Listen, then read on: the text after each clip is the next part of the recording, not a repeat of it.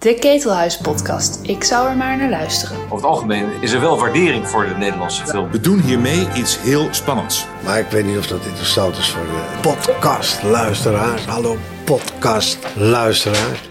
Ik verdien mijn geld door bedweter uh, uit te hangen op het gebied van film. Net doen alsof je ergens verstand van hebt en dat zo goed mogelijk verpakken in, uh, in mooie ronkende zinnetjes.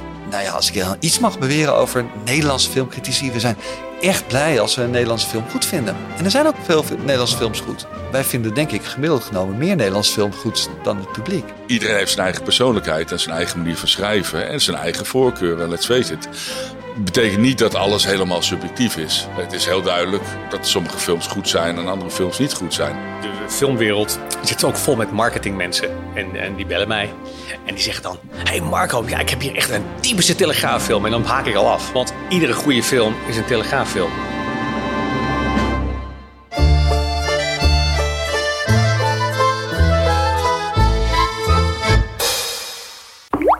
Welkom bij de 45ste aflevering van de Ketelhuis Podcast. Met deze keer deel 2 van een vierdelige serie waarin we een duik nemen in de wereld van de Nederlandse filmjournalistiek. Noah Johannes, filmredacteur van NPO 3, voelt vier van haar collega's aan de tand. Guido Tienhoven van het AD, Koen van Zwol van NRC, Marco Weijers van De Telegraaf en Bord Beekman van De Volkskrant. Deze keer is het de beurt aan Koen van Zwol, sinds 1992 werkzaam bij NRC Handelsblad. Na wat journalistieke omzwervingen langs Moskou en de Balkan belandde hij rond 2010 op de filmredactie van de krant. Koen noemt zichzelf simpelweg een stukjeschrijver. En over film kun je volgens hem toevallig heel goed schrijven. Benieuwd of praten Koen even goed afgaat. Luister naar Noah Johannes in gesprek met Koen van Zol. Praat je vaker over je beroep in interviewvorm? Dat jij dus even aan de andere kant van de tafel Uh, zit? vrij zelden. Zo interessant is het nou ook weer niet. Ik ben maar recensent. Nou, ik hoop toch echt eh, dat we verder komen dan die conclusie. Dat het allemaal zo interessant nog niet is. Nee, je chargeert eh, natuurlijk. Maar ik vind het leuk dat je meer over je werk wil eh, vertellen. Wij gaan jou dus ontleden als filmcriticus. Kun Ja, ja. jij eh, misschien voor... de-. Ja, toch? maar kun jij misschien voordat we dat doen, eh, jezelf even kort voorstellen? Ja, natuurlijk. Eh, ik ben eh, Koen van Zwol. Ik ben 58 jaar. Ehm, ik ben al zo bijna 30 jaar in dienst van NRC. En eh, de laatste 12 jaar als eh, filmcriticus. En dat betekent eigenlijk eh, dat je van alles doet. Dat is filmkritiek, dat zijn interviews, naar eh, filmfestivals gaan natuurlijk. Bijlages plannen, bijlages redigeren. eh, de whole shebang, daar komt het op neer. Ik ben eigenlijk wel benieuwd. Kun jij je de allereerste film herinneren die echt een enorme indruk op jou maakte? De allereerste film die een enorme indruk op je maakte. ehm, nou, dat moet een Olivier, eh, dat moet een, eh, de dikke en de dunne film geweest zijn. Ja, ik, ik ben niet zo oud, maar dat draaiden ze bij ons in het dorp van die stomme films. Ehm, en het was die ene volgens mij met die piano, die ze eindeloos op die, die trap op proberen te krijgen. En eh, ehm, ja, ja, uiteindelijk, eh, als dat gelukt is, dan komen ze erachter dat ze met de auto kunnen. Altijd hadden gekund. En dan eh, ja, brengen ze die trap maar weer beneden om met eh, die hele piano weer naar beneden. Ja, dat vond ik geweldig. En die zag je dus in het theater, plaatselijk Met de hele schoolklas. Ah, het was kijk. niet met meneer Pastoor, maar, eh, want het was geen christelijke school. Maar eh, ja, we werden dan door een leraar naar, eh, dat kan ik me herinneren, naar een of andere plek gebracht. En daar werden we allemaal, daar was, werd een filmvoorstelling voor ons ge- georganiseerd. Ja, en wat, wat was het dan wat echt die enorme indruk maakte? Was dat, was dat de film zelf? Of was het ook echt gewoon die hele bioscoopervaring? bioscoopervaring. Maar gelukkig, mijn ouders gingen graag naar de bioscoop. Dus ja, vanaf mijn, ja, vanaf mijn zevende zat ik er toch wel vrij regelmatig, denk ik. Ja, dus de filmliefde zat er echt al wel vroeg in. Zeker, ja. Ik was altijd eh, dol op films. Ja, en kan, en kan een film dan, eh, hè, als, je, als je dan even weer teruggaat naar dat eerste gevoel, dat, of dat gevoel van die eerste bioscoopervaring, kan een film nog steeds net zoveel indruk op je maken, vele, vele, vele recensies en bioscoopbezoeken verder? Ik denk niet dat je ooit, dat het ooit zoveel indruk kan maken als op een kind. Want dat, is een overweldigende ervaring. Maar ja, ik heb nog wel, eh, en dat is, is het, eh, een fantastisch gevoel van ontdekking. Dat je, eh, met name als je in Cannes bent en er kan worden allerlei nieuwe films worden daar geïntroduceerd. En je denkt van tevoren van, jeetje, nou dan moet ik een drie uur durende lesbische romance gaan bekijken. En, wat, wat- wat moet dat nou weer zijn? En dan zit je in Vida Del en je weet, ik zie dit als eerste. Eh, nou ja, behalve de maker zelf natuurlijk. Eh, ja, dat is wel een, eh, een moment van, de, word je wel opgewonden van. Van, jezus, dit is een goede film. En daar moet ik echt, eh, daar moet ik reclame voor gaan maken. Dat moet iedereen zien. Ja, maar dat heb je vooral, moet ik zeggen, bij de grote filmfestivals. Waar ja, dus nieuwe films komen en soms enorm spectaculaire films. Je totaal niet had verwacht. Het zijn vaak juist de films waarvan je denkt, nou, dat eh, lijkt me nou helemaal niks. Die dan eh, jezelf ontzettend kunnen, je ontzettend kunnen verrassen. En je kan dan dus nog steeds omvergeblazen worden. Ja, Dus het er zit. dat ik echt Mamma Mia er echt uitkom. en Van, wauw, Wauw. dat moet iedereen zien. Nou, maar het is fijn, fijn te horen ook dat je hè, toch al vele recensies eh, verder. dat je wel nog echt met dat frisse enthousiasme in je vak kan zitten. Ja. Ja, het is iets heel geks. Ik ben eh, bij, films, ik kan er vijf of zes per dag zien en ik blijf wakker. Maar ik kan me in een theater zitten of bij een klassiek concert. En wat er ook gebeurt, ik val altijd in slaap. Dus eh, ja, theaters hebben het niet voor mij, maar films, ja. Eh, misschien Heerlijk. omdat je dan eigenlijk al een beetje zit te slapen als je een film ziet. Ik weet niet wat het is. Ja, maar heerlijk toch? Ik bedoel, je hoort wel vaker mensen, ehm, nou ja, laten we zeggen in andere beroepen, die dan zeggen: ja, nou ja, na een jaar of drie, vijf is de uitdaging er wel uit. En dan moet je echt weer even verder gaan kijken. Maar dat. eh, Nou ja, daar was ik al gestopt. Ik doe dit al twaalf jaar volgens mij. Wat eh, vrij lang is voor mijn doen. Je zit inderdaad al een geruime tijd bij de NRC, of 30 jaar hè? 30 jaar, zoiets. Goed. Ja. Binnenkort krijg ik eh, ja, op weg naar mijn gouden horloge. Ja. Te gek. En van die 30 jaar ben je dus eh, nu ongeveer 12 jaar filmrecensent. Ehm, hoe ben je in die functie eh, gerold? Nou ja, ingewikkeld verhaal. Ik eh, de eerst ben buitenlandredacteur geweest en oorlogscorrespondent. Je hebt zelfs nog in Moskou gezeten, In toch? Balkan, ja, daarna heb, ja, heb ik in Moskou gezeten. Eh, zeven jaar, tot 2007 of zo. Eh, toen moest ik in, terug in het gareel, dus op de Haagse redactie gaan werken. Ja, dat was, Binnenhof was niet echt helemaal mijn ding. Eh, maar ja, goed, ik, het ging allemaal wel. Maar ja, toen hadden ze me gewoon nodig als, om, voor de, bij de filmredactie. Ze vroegen dat en het was voor mij halleluja. Dat is een van de dingen die ik hartstikke leuk vind. Ehm, en ik was toch niet meer van plan om eh, ergens correspondent te worden. Want dat leek me niet zo leuk meer voor de kinderen. Die hadden al eh, zeven jaar in Moskou gezeten en dat was wel genoeg. Dus ehm, ja, het kwam mij geweldig uit. En eh, ja, ik heb niet meer hoeven omkijken. Ik vind het geweldig. En, eh, ik hoef er niet zo snel mee te stoppen. Dus ze zullen me de kicking en screaming vanaf moeten rukken. De, ho- de hoofdredactie als ze willen. Maar we zullen zien. En als iemand jou nu dan ook vraagt naar je beroep, wat, wat zeg je dan? Wat ben jij? Filmjournalist, maar Ja. ik zeg eigenlijk gewoon journalist. Omdat ik een journalist ben. Je zou in principe ook nog over allerlei andere onderwerpen kunnen schrijven. Ja. Omdat je dat wil of omdat je het kan? Omdat ik het leuk vind, ja. Eh, en juist, ik moet zeggen, dat moet ik er ook bij zeggen. Een van de spannendste momenten is wel als je aan het bluffen bent. Als je eigenlijk nog niet, eh, nog niet de expertise hebt om er echt over te mogen schrijven.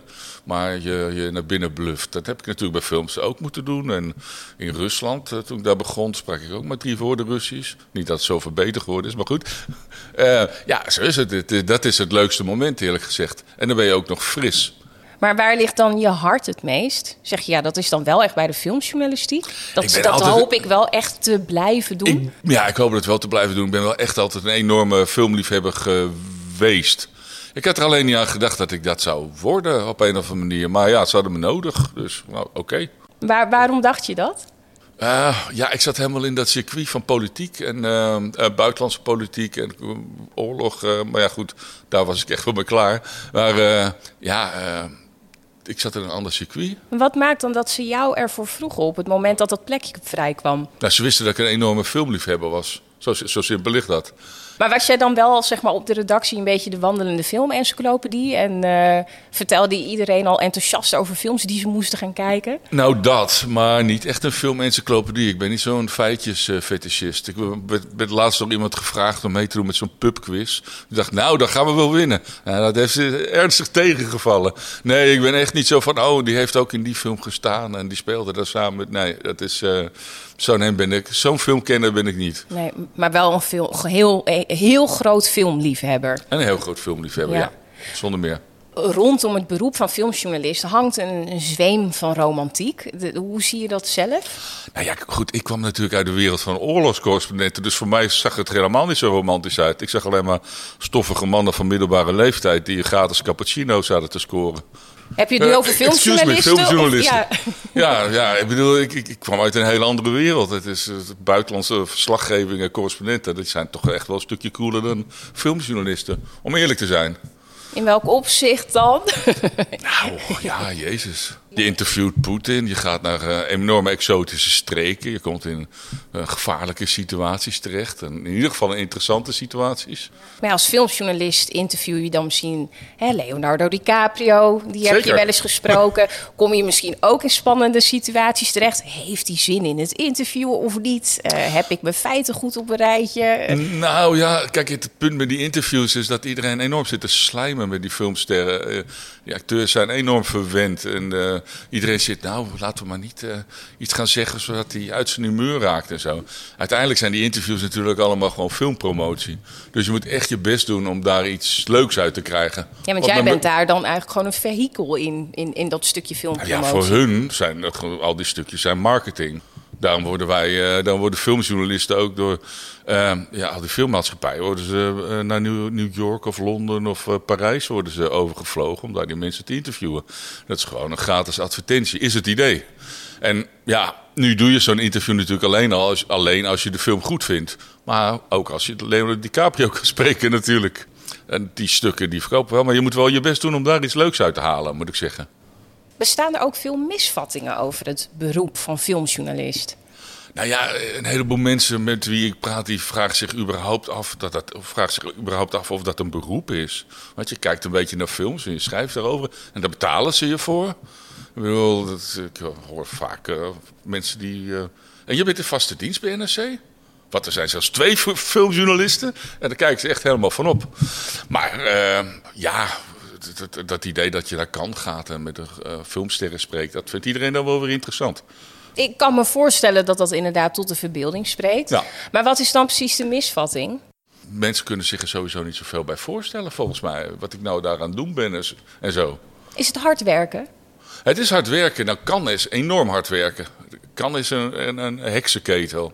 Kijk, dan moet je, als je naar Cannes gaat, moet je op een dag vier nieuwe films zien. En de een, allemaal grote namen, grote filmmakers. Je moet eigenlijk naar de persconferenties gaan. Daarnaast moet je elke dag een stuk schrijven. Daarnaast moet je een stuk of twee, drie interviews afnemen. En dat alles in één dag. En dan moet je, dat moet ook allemaal goed geschreven worden. En daar moet je geen fouten bij maken.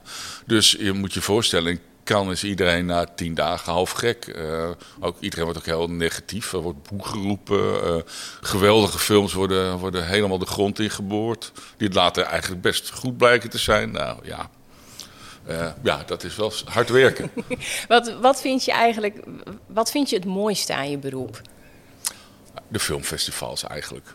Dat is, een, eh, dat is zo'n doos eh, chocolaatjes die je uitpakt. En eh, nou, je, hebt geen, weet allemaal grote namen. En sommige komen dus met he- helemaal mislukte films. Maar andere komen met meesterwerken. En mensen die je nog niet kent, die opeens heel geweldig zijn.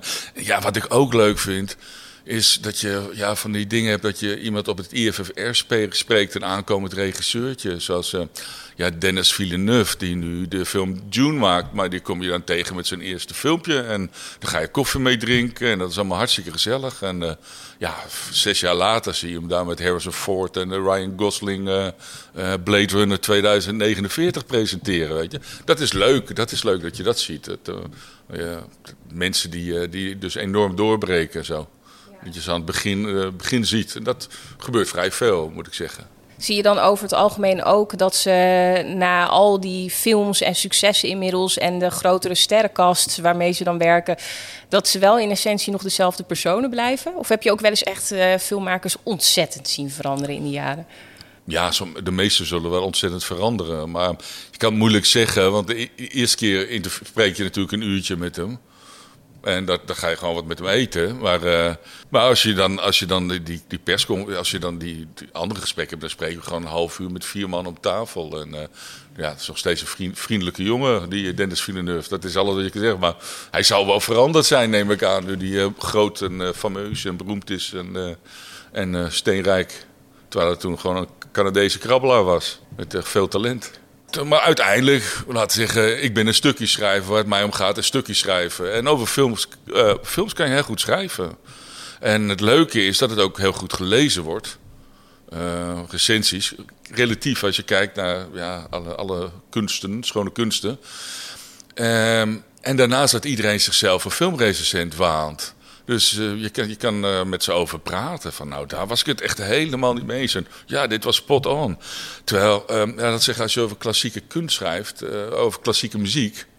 Dan is het wel zo dat jij schrijft je recensie en nou, je zegt dat de Vergodpartij dit was. En dat misschien uh, adagio's en allerlei vaktermen. Dus iedereen leest dat denkt, ja, dat zou wel waar zijn. Maar daar kan je kan, kan, kan niet met hem in debat over gaan. Over filmrecensie kan iedereen met je in debat gaan. Het is toegankelijk. Ja, ja. dus zie ik dat filmrecensenten of filmcritici dan juist de neiging hebben om uh, te zeggen... ja, maar wij zijn de kenners.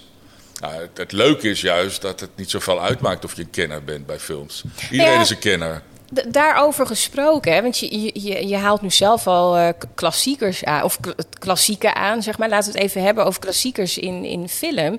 In hoeverre vind je het belangrijk om van heel veel klassiekers op de hoogte te zijn als filmrecensent? Nou, het is goed als je ervan op de hoogte bent. Uh, en ik, ik, blijf gewoon, ja, ik blijf naar oude films kijken die ik nog niet gezien heb. Ik ben nu weer wat Bergman aan het afwerken en zo. Um, maar het is niet essentieel.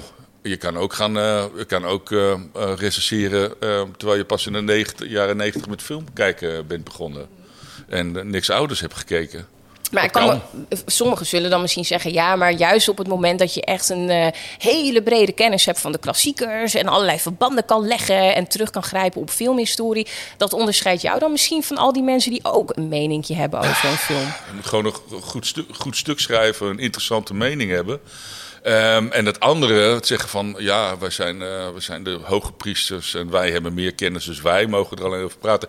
Dat zijn alleen mensen die onzeker zijn en zo pro proberen monopoliepositie te, te, claimen omdat ze onzeker zijn over hun eigen positie. Je moet gewoon een goed stuk schrijven over die film. Dat mensen aanspreekt. En recenseren is voor de rest iets vrij simpels. Uh, ja, ik hoorde van mijn collega Peter de Bruin de regels van K.L. Pol. Dat is een soort uh, legendarische culturenpaus van NRC Handelsblad. Die had het op, gewoon over twee, drie hele simpele regels van het recenseren. Namelijk, wat is wat de filmmaker wil met die film? Lukt hem dat? Dat is twee. En drie, is wat hij wil enigszins interessant?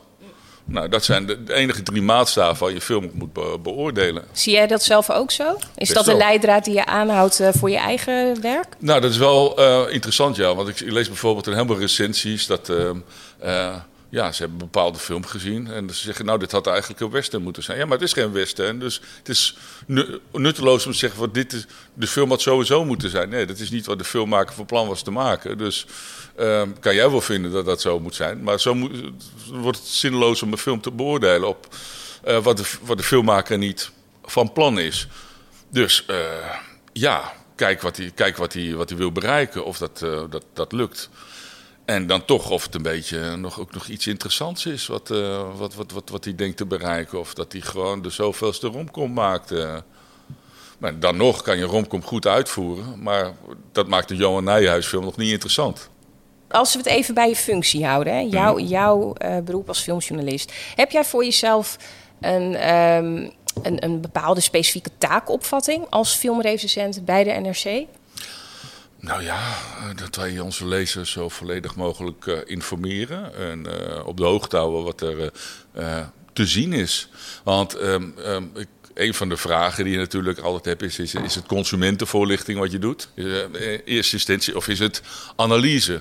Nou moet ik zeggen, ehm, eh, het ene kan niet helemaal zonder het andere. Want als je zegt deze film is heel slecht, dus daar gaat kunt u maar beter niet naartoe. Dan heb je ook aan de filmmaker, ben je toch tenminste verplicht om een argumentatie te geven waarom die film slecht is en waarom je er niet naartoe toe zou moeten.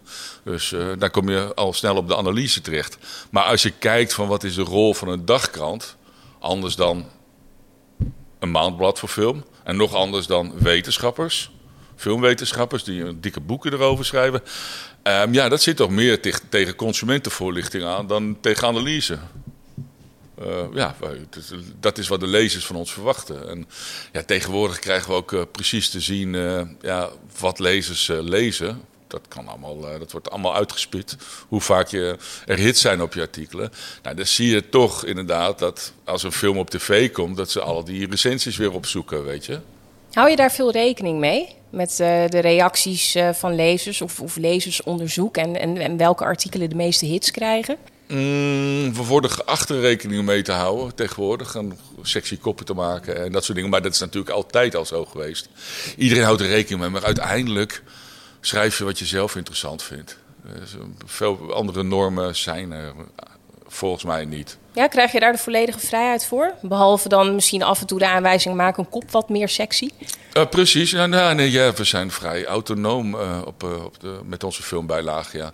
ja, het kan een keer zijn, ehm, dat is me een keer gebeurd. Toen was er een film On Body and Soul, wat ik een schitterende film vond. Vijf ballen, echt heel goed. Winnaar van de Gouden Beer in Berlijn. En er kwam tegelijk een Star Wars film. En uh, ja, nou, die Star Wars films hebben altijd al een opening. Maar ja, dan wilden ze toch die openingen doen. Toen, dat was een keer, daar heb ik mijn poot stijf gehouden. Nee, jullie zetten die Star Wars film op de voorpagina, maar ik open met onboarding en zo. En kreeg je dat voor elkaar? Ja hoor. Maar je moet het alleen niet altijd doen. Je moet wel een beetje uh, soepel zijn. En uh, ja, soms doe je het en soms doe je het niet. Soms go with the flow en soms je, je, je hak in het zand.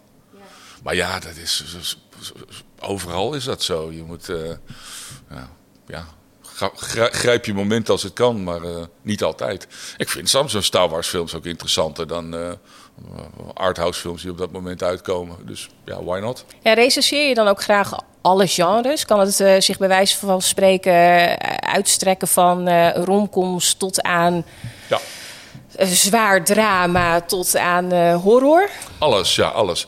Hoewel je wel ziet dat, uh, dat, uh, dat we hebben natuurlijk vier recensenten die voor ons uh, regelmatig recenseren.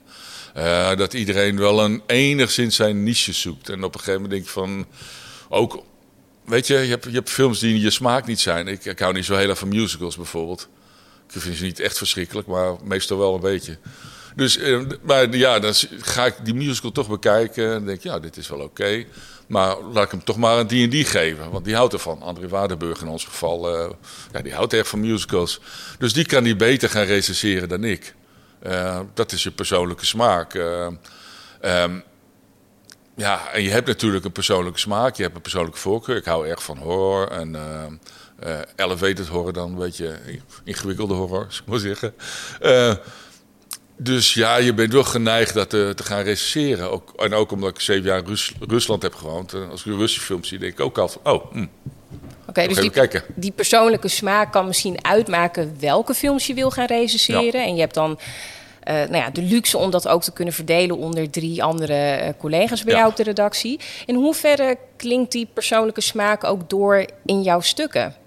Die klinkt altijd door in de stuk. Iedereen heeft zijn eigen persoonlijkheid. En een recensie van Dana herken je, Dana Lins herken je onmiddellijk. En die is heel anders dan die van André Waardenburg of Peter de Bruin of van mij. Uh, dus die, iedereen heeft zijn eigen persoonlijkheid en zijn eigen manier van schrijven. En zijn eigen voorkeuren, let's face it. betekent niet dat alles helemaal subjectief is. Het is heel duidelijk uh, dat sommige films goed zijn en andere films niet goed zijn. En ik kan ook wat ik echt wel eens meemaak, dat ik denk van, ja, uh, dit is niet mijn smaak, maar het is een goede film, dus laat een ander het maar doen. Ja, want... Daar zal die en die wel echt helemaal enthousiast over zijn. Maar dat ik de kwaliteit wel herken, maar dat het mij niks doet, weet je? Nou, dat kan je hebben, maar, die, maar je, je kan, zeker als je enigszins dit al een hele lange tijd doet, dan herken je kwaliteit wel. Maar of je een film Ook als goed... de smaak niet is. Maar een film goed vinden of niet, daar zit toch ook een waardeoordeel in? Ja, het is allemaal waardeoordeel. Maar eh, ehm, laten we zeggen, je kan goed kan je ook gaan omschrijven van, laten we zeggen, consensus van critici. Zoals je het hebt op Rotten Tomatoes. Of consensus van kijkers. Zoals je dit hebt op de Internet Movie Database. Dat wil zeggen, er is wel iets objectiefs. Dat is dat eh, iedereen dit kennelijk een goede film vindt. Of alle critici dit kennelijk een goede film vinden. Ehm Niettemin, het is leuk als jij een keer een film geweldig vindt... die iedereen echt zwaar kut vindt. Dat is pas leuk. Of dat je, en dat doet mijn, mijn collega Peter de Bruin graag... en dat, dat eh, waardeer ik... dat jij een film, de nieuwe Tarantino... helemaal met de grond gelijk fakkelt... waar iedereen er razend over is. Want ja, Tarantino is heilig op een of andere manier... dus eh, dat moet je goed vinden.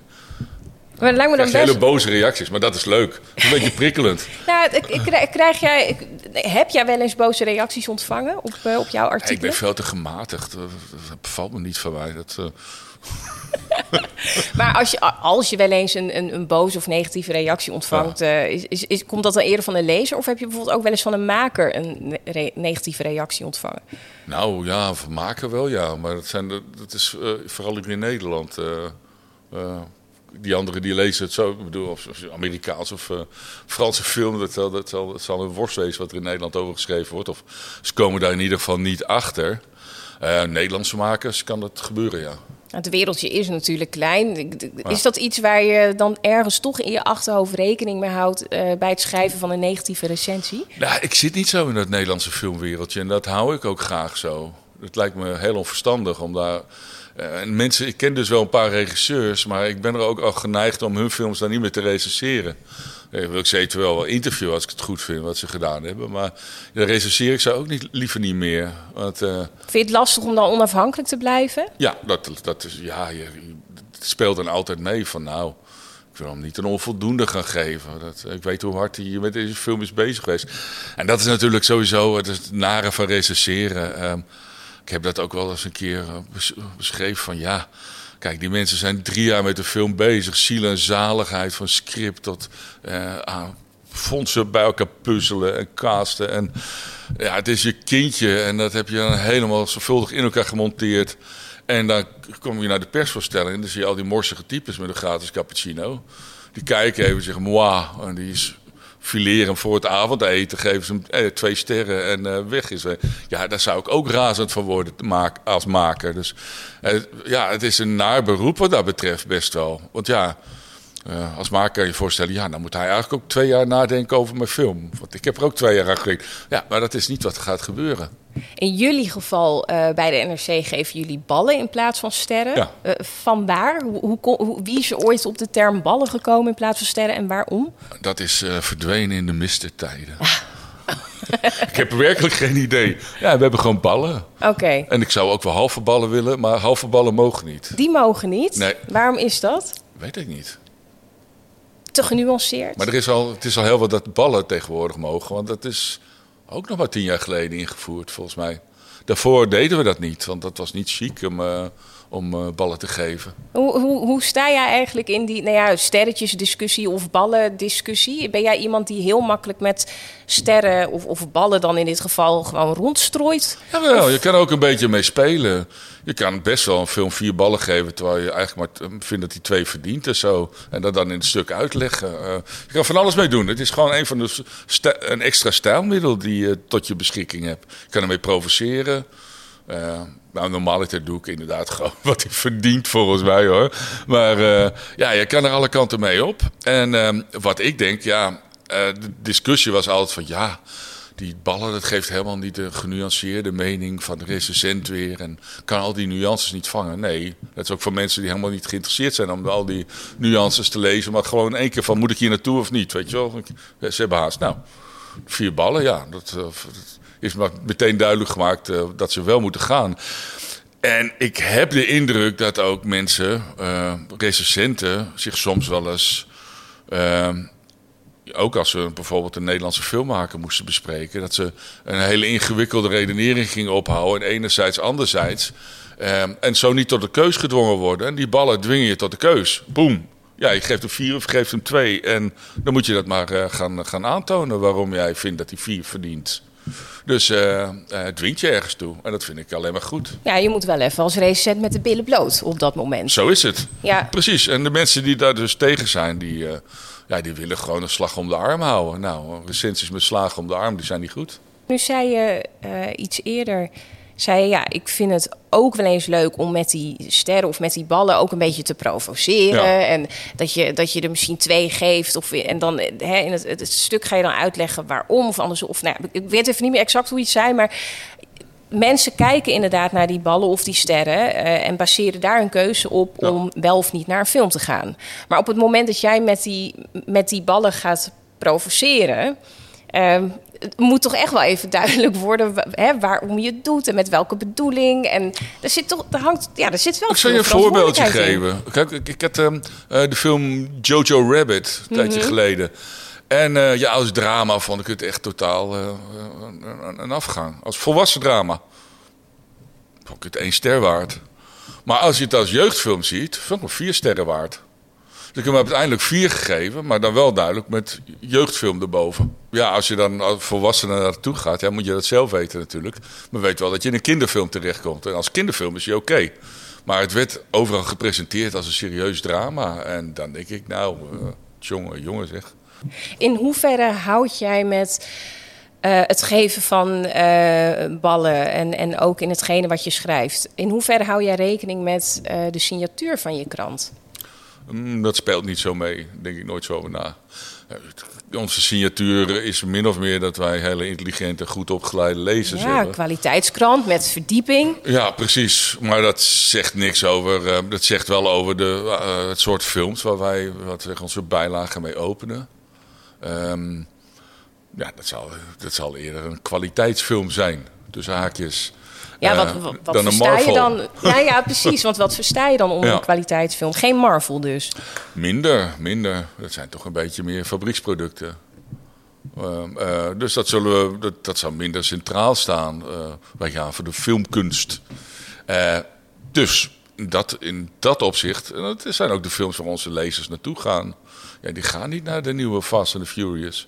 Hoewel we daar wel mee geopend hebben vorige keer. Maar Ja, dan- waarom dan wel? Is dat, is dat dat stukje provocatie? Nee, nee, nee. Gewoon omdat het een fenomeen is. Het is natuurlijk de grootste filmfranchise van de, van de geschiedenis. eh, van, de, van, de laatste, nou, geschiedenis van de laatste paar jaar. Dus dat moest eens een keer neergezet worden. Van wat is dan het geheim van het succes? Wie heeft dat artikel geschreven? Tana Linsen volgens mij. Want die is een groot liefhebber van. Had, je, had jij dat zelf ook willen doen? Ehm, nou, dat is, ik zou het eigenlijk oorspronkelijk gedaan hebben. Maar ik kwam er niet, niet meer aan toe. Want kan naderde. en Ik moest me voorbereiden. Dus, eh, Je moest naar het zuiden van ja. Frankrijk. Ja, ik moest naar het zuiden van Frankrijk. Even wat betreft jouw stijl. Ehm, in, in hoeverre onderscheid jij je van andere filmjournalisten in Nederland, denk je? Ah, nou. God, Jezus. Ja, dat, dat is wel voor anderen om te oordelen. Zou het goedkoopste antwoord zijn, moet ik zeggen. Maar ja, ik heb een, ik heb een bepaalde schrijfstijl. Die is wat eh, barok en eh, een beetje dicht aan informatie. En volgens mij wel eh, lekker soepel. Een beetje barok. Kun je daar een voorbeeld van geven? ja, ik hou wel van een lange zin en een ingewikkeld woord op zijn tijd. Ja, Jij vindt het leuk als lezers eh, jouw recensie lezen met een woordenboekje ernaast. Daar ben ik niet tegen, eerlijk gezegd. Eh, als ik vroeger de krant las en ik las dan een woord dat ik niet kende, dan was dat van, verdomme nou, dan wil ik ook weten wat het is. Dus eh, als, er is altijd een strijd, de strijd gaande met de eindredacteurs van, nou, dit is wel te ingewikkeld, kan je dat vervangen? En ik ben altijd dan geneigd, nou, ja, als ze het niet begrijpen, zoeken ze het maar op. Lees jij wel eens het werk van collega's? Ja, tuurlijk. Ik lees alle collega's, ja. ja. En ook buitenlandse collega's. En eh, ook bij recensies. Ik ben niet zo'n een die zegt van... eh, ja, je moet als, als je een film recenseert... moet je helemaal een onbeschreven blad zijn. En mag je niks van iemand anders gelezen hebben. Je moet helemaal jouw impressie van de film hebben. Nee hoor, als ik soms, soms doe ik dat wel. Omdat ik gewoon meteen al weet wat ik van die film film. Maar ja, soms zit ik ook wel een beetje van... nou, wat moet ik hier nou van denken? En dan ga ik gewoon een heleboel recensies lezen. Als die er zijn, hè? Als ze niet zijn, zou ik het toch zelf moeten verzinnen. Ga ik denken van, nou, maar dat wat hij zegt, dat vind ik dus helemaal niet. En wat hij, ja, daar zit wat in. Eh, eh, Oké, dan kom ik wel op mijn eigen dingetje. Dat hele, ik ben er niet van, eh, ik ben een journalist en hoe meer informatie, hoe beter, wat mij betreft. Dus dat hele ding van je moet helemaal onbevangen zijn en met een helemaal leeg hoofd dat schrijven, ja, dat vind ik een illusie. Hoe meer informatie, hoe beter, wat mij betreft. Het is dus niet zo dat jij echt bij elke film eigenlijk in de bioscoop al bijna weet wat je erover gaat schrijven. Nee hoor. Nee, nee, en vaak is het zo, ook, ook gewoon dat je naar een film kijkt en je denkt, ja, ik vind dit prachtig, maar waarom vind ik dit eigenlijk prachtig? En dan moet je echt even, je denkt zelf een beetje na, maar soms ga je ook wel eens, eh, neem je wat hulp van je collega's. Kijk, anderen zullen zeggen van, dat doe ik nooit, maar volgens mij doet vrijwel iedereen dat. Maakt het dan het recenseren niet af en toe ook lastig? Dat je dan eerst het werk van anderen leest en daardoor misschien echt een beetje in de war raakt over wat jij nou met die film aan moet? Nee, want zoals je zegt, je moet een beetje arrogant zijn als je sowieso recensent bent. Ja, dat is toch zo? Je moet denken dat je meningen sowieso toe doet.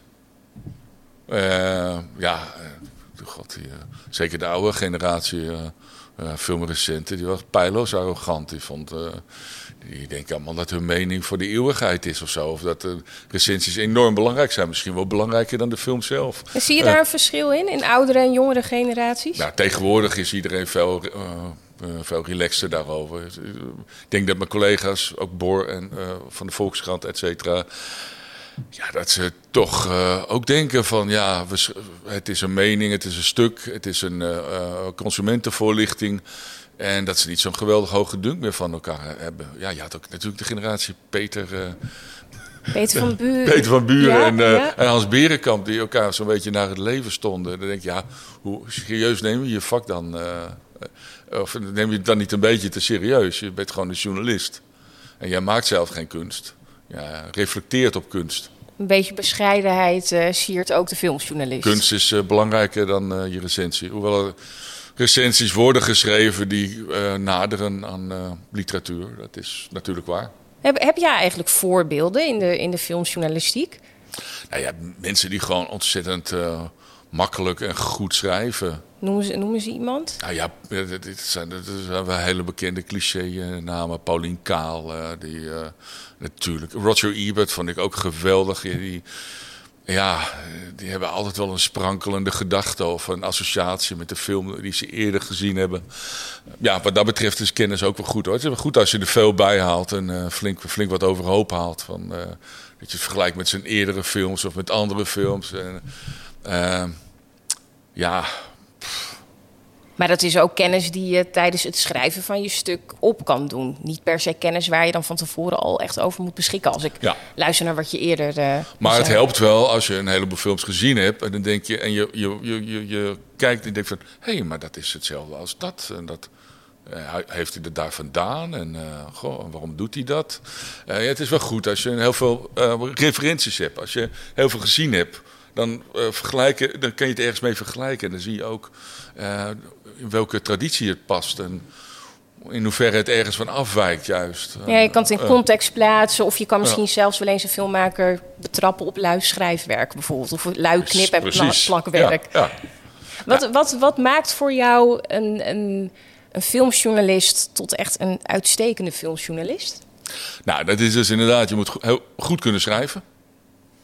Ah, maar ja, goed, anderen praten alleen maar, dus uh, tegenwoordig. Maar goed, uh, ik heb het over schrijvende journalist. Nou, hij moet gewoon een hele goede pen hebben. Hij moet een uh, zelfvertrouwen hebben, een goed oordeel en gedegen kennis.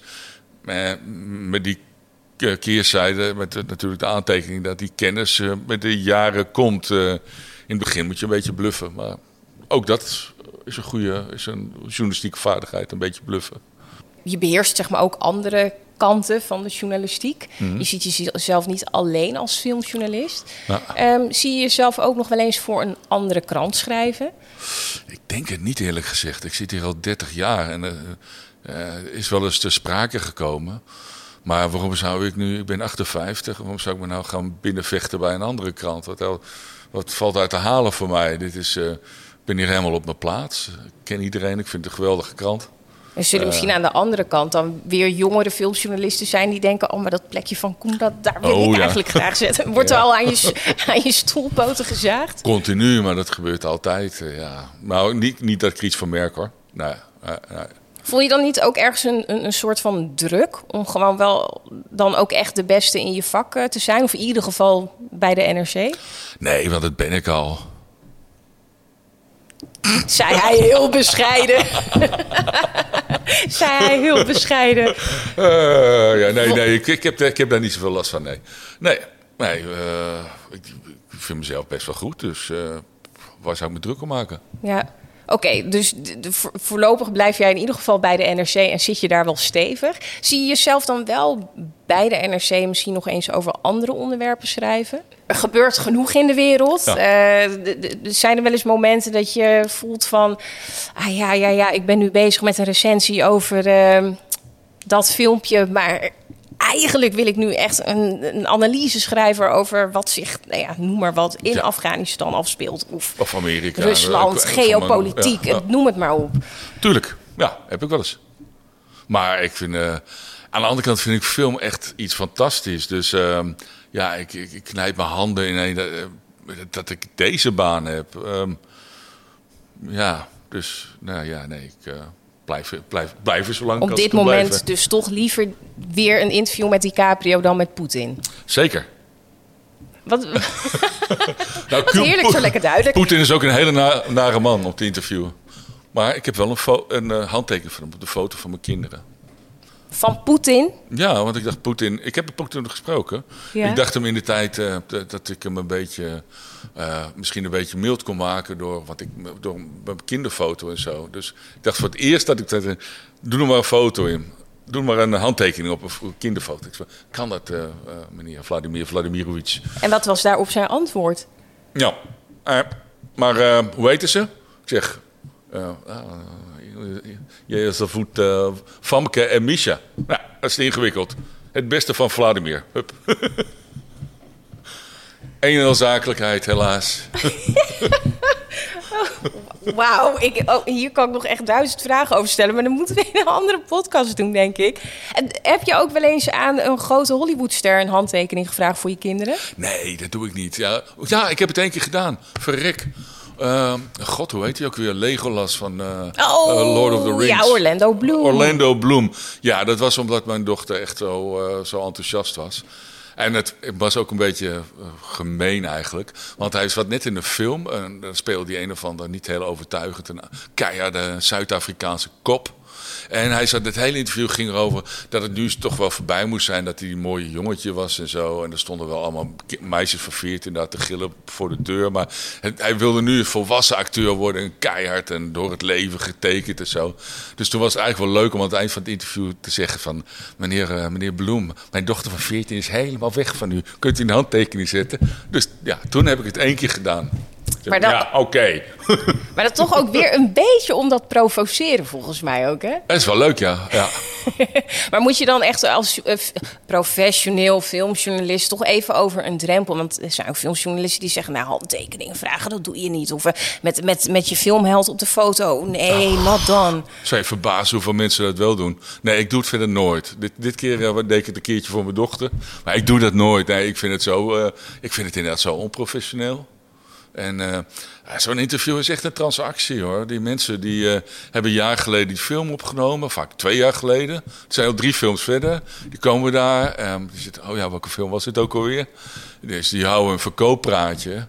Ja, het is niet een soort sfeer waar je dan. eh, dat doet iedereen al bij ze, weet je wel. Ja, ik vind het eh demeaning. Is er dan wel een, een, een, een filmmaker of, of een acteur waarvan je zegt... nou, maar als ik die nou nog eens een keer gewoon echt even uitgebreid te spreken zou mogen krijgen... dan staat die bovenaan mijn lijstje. Ik denk nooit na van, oké, dit en dit. Het is altijd van, oké, die is te spreken. Nou, wat zal ik hem eens gaan vragen?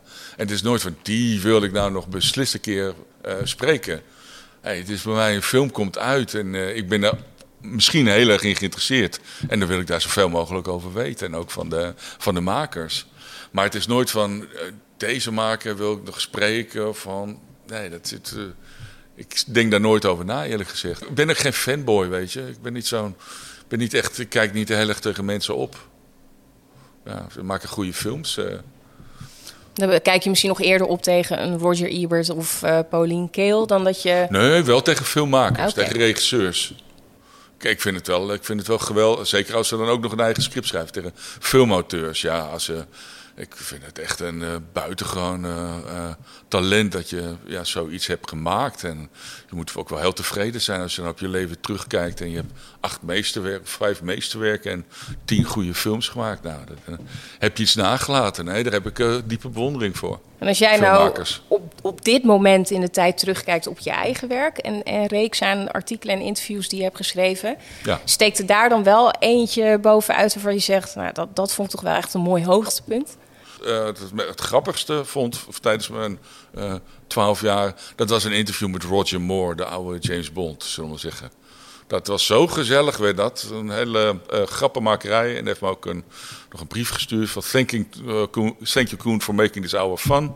Uh, dat, dat, was zo grappig. Wat heb je met het briefje gedaan? Hangt hij ergens ingelijst thuis? Nee, ja, dat was in zijn autobiografie die hij toen net geschreven had. Daardoor was hij er. Ja, het is een beetje een lolbroek, hè. Dus we hebben alleen maar grapjes zitten maken. nou, dit staat in mijn kast, ja. Fantastisch. Koen, ik dank je hartelijk voor dit gesprek. Ja, jij ook bedankt. Tot zover deze Ketelhuis podcast. Je vindt de Ketelhuis podcast in je favoriete podcast app en natuurlijk op onze website ketelhuis.nl/slash podcast. Abonneer je vooral zodat je geen enkele aflevering mist en leuk als je een reactie achterlaat. Hou ons in de gaten, we zijn snel weer terug met een nieuwe podcast.